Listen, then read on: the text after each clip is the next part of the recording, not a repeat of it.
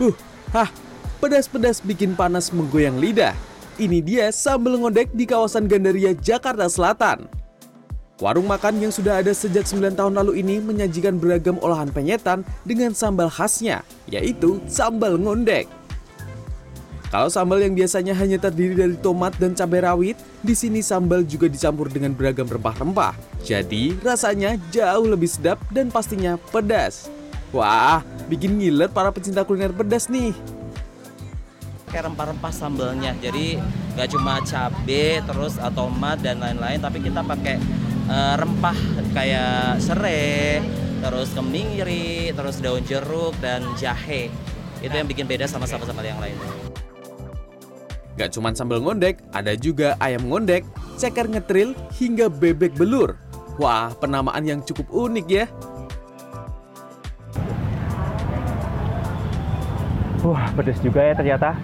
Jadi ragam kuliner kali ini adalah nyobain beragam menu sambal. Salah satunya adalah sambal ngondek nih, bisa dapat.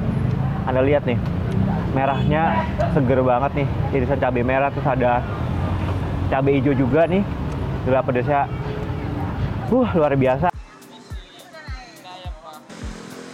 Saking menggugah seleranya ini, warung yang mulai buka pukul 6 sore hingga 3 dini hari ini nyaris tak pernah sepi pembeli. Di sini yang bikin apanya jengkolnya. Jengkol. Iya. Sambalnya gimana? Sambalnya pedas banget. Jadi beda ya? Iya, iya. Beda sama tempat lain sambalnya. Baru pertama sih. Ini gimana Bu baru pertama? Ya suka sih. Bu tadi pesan apa? Itu eh, nasi daun jeruk sama ayam gorengnya.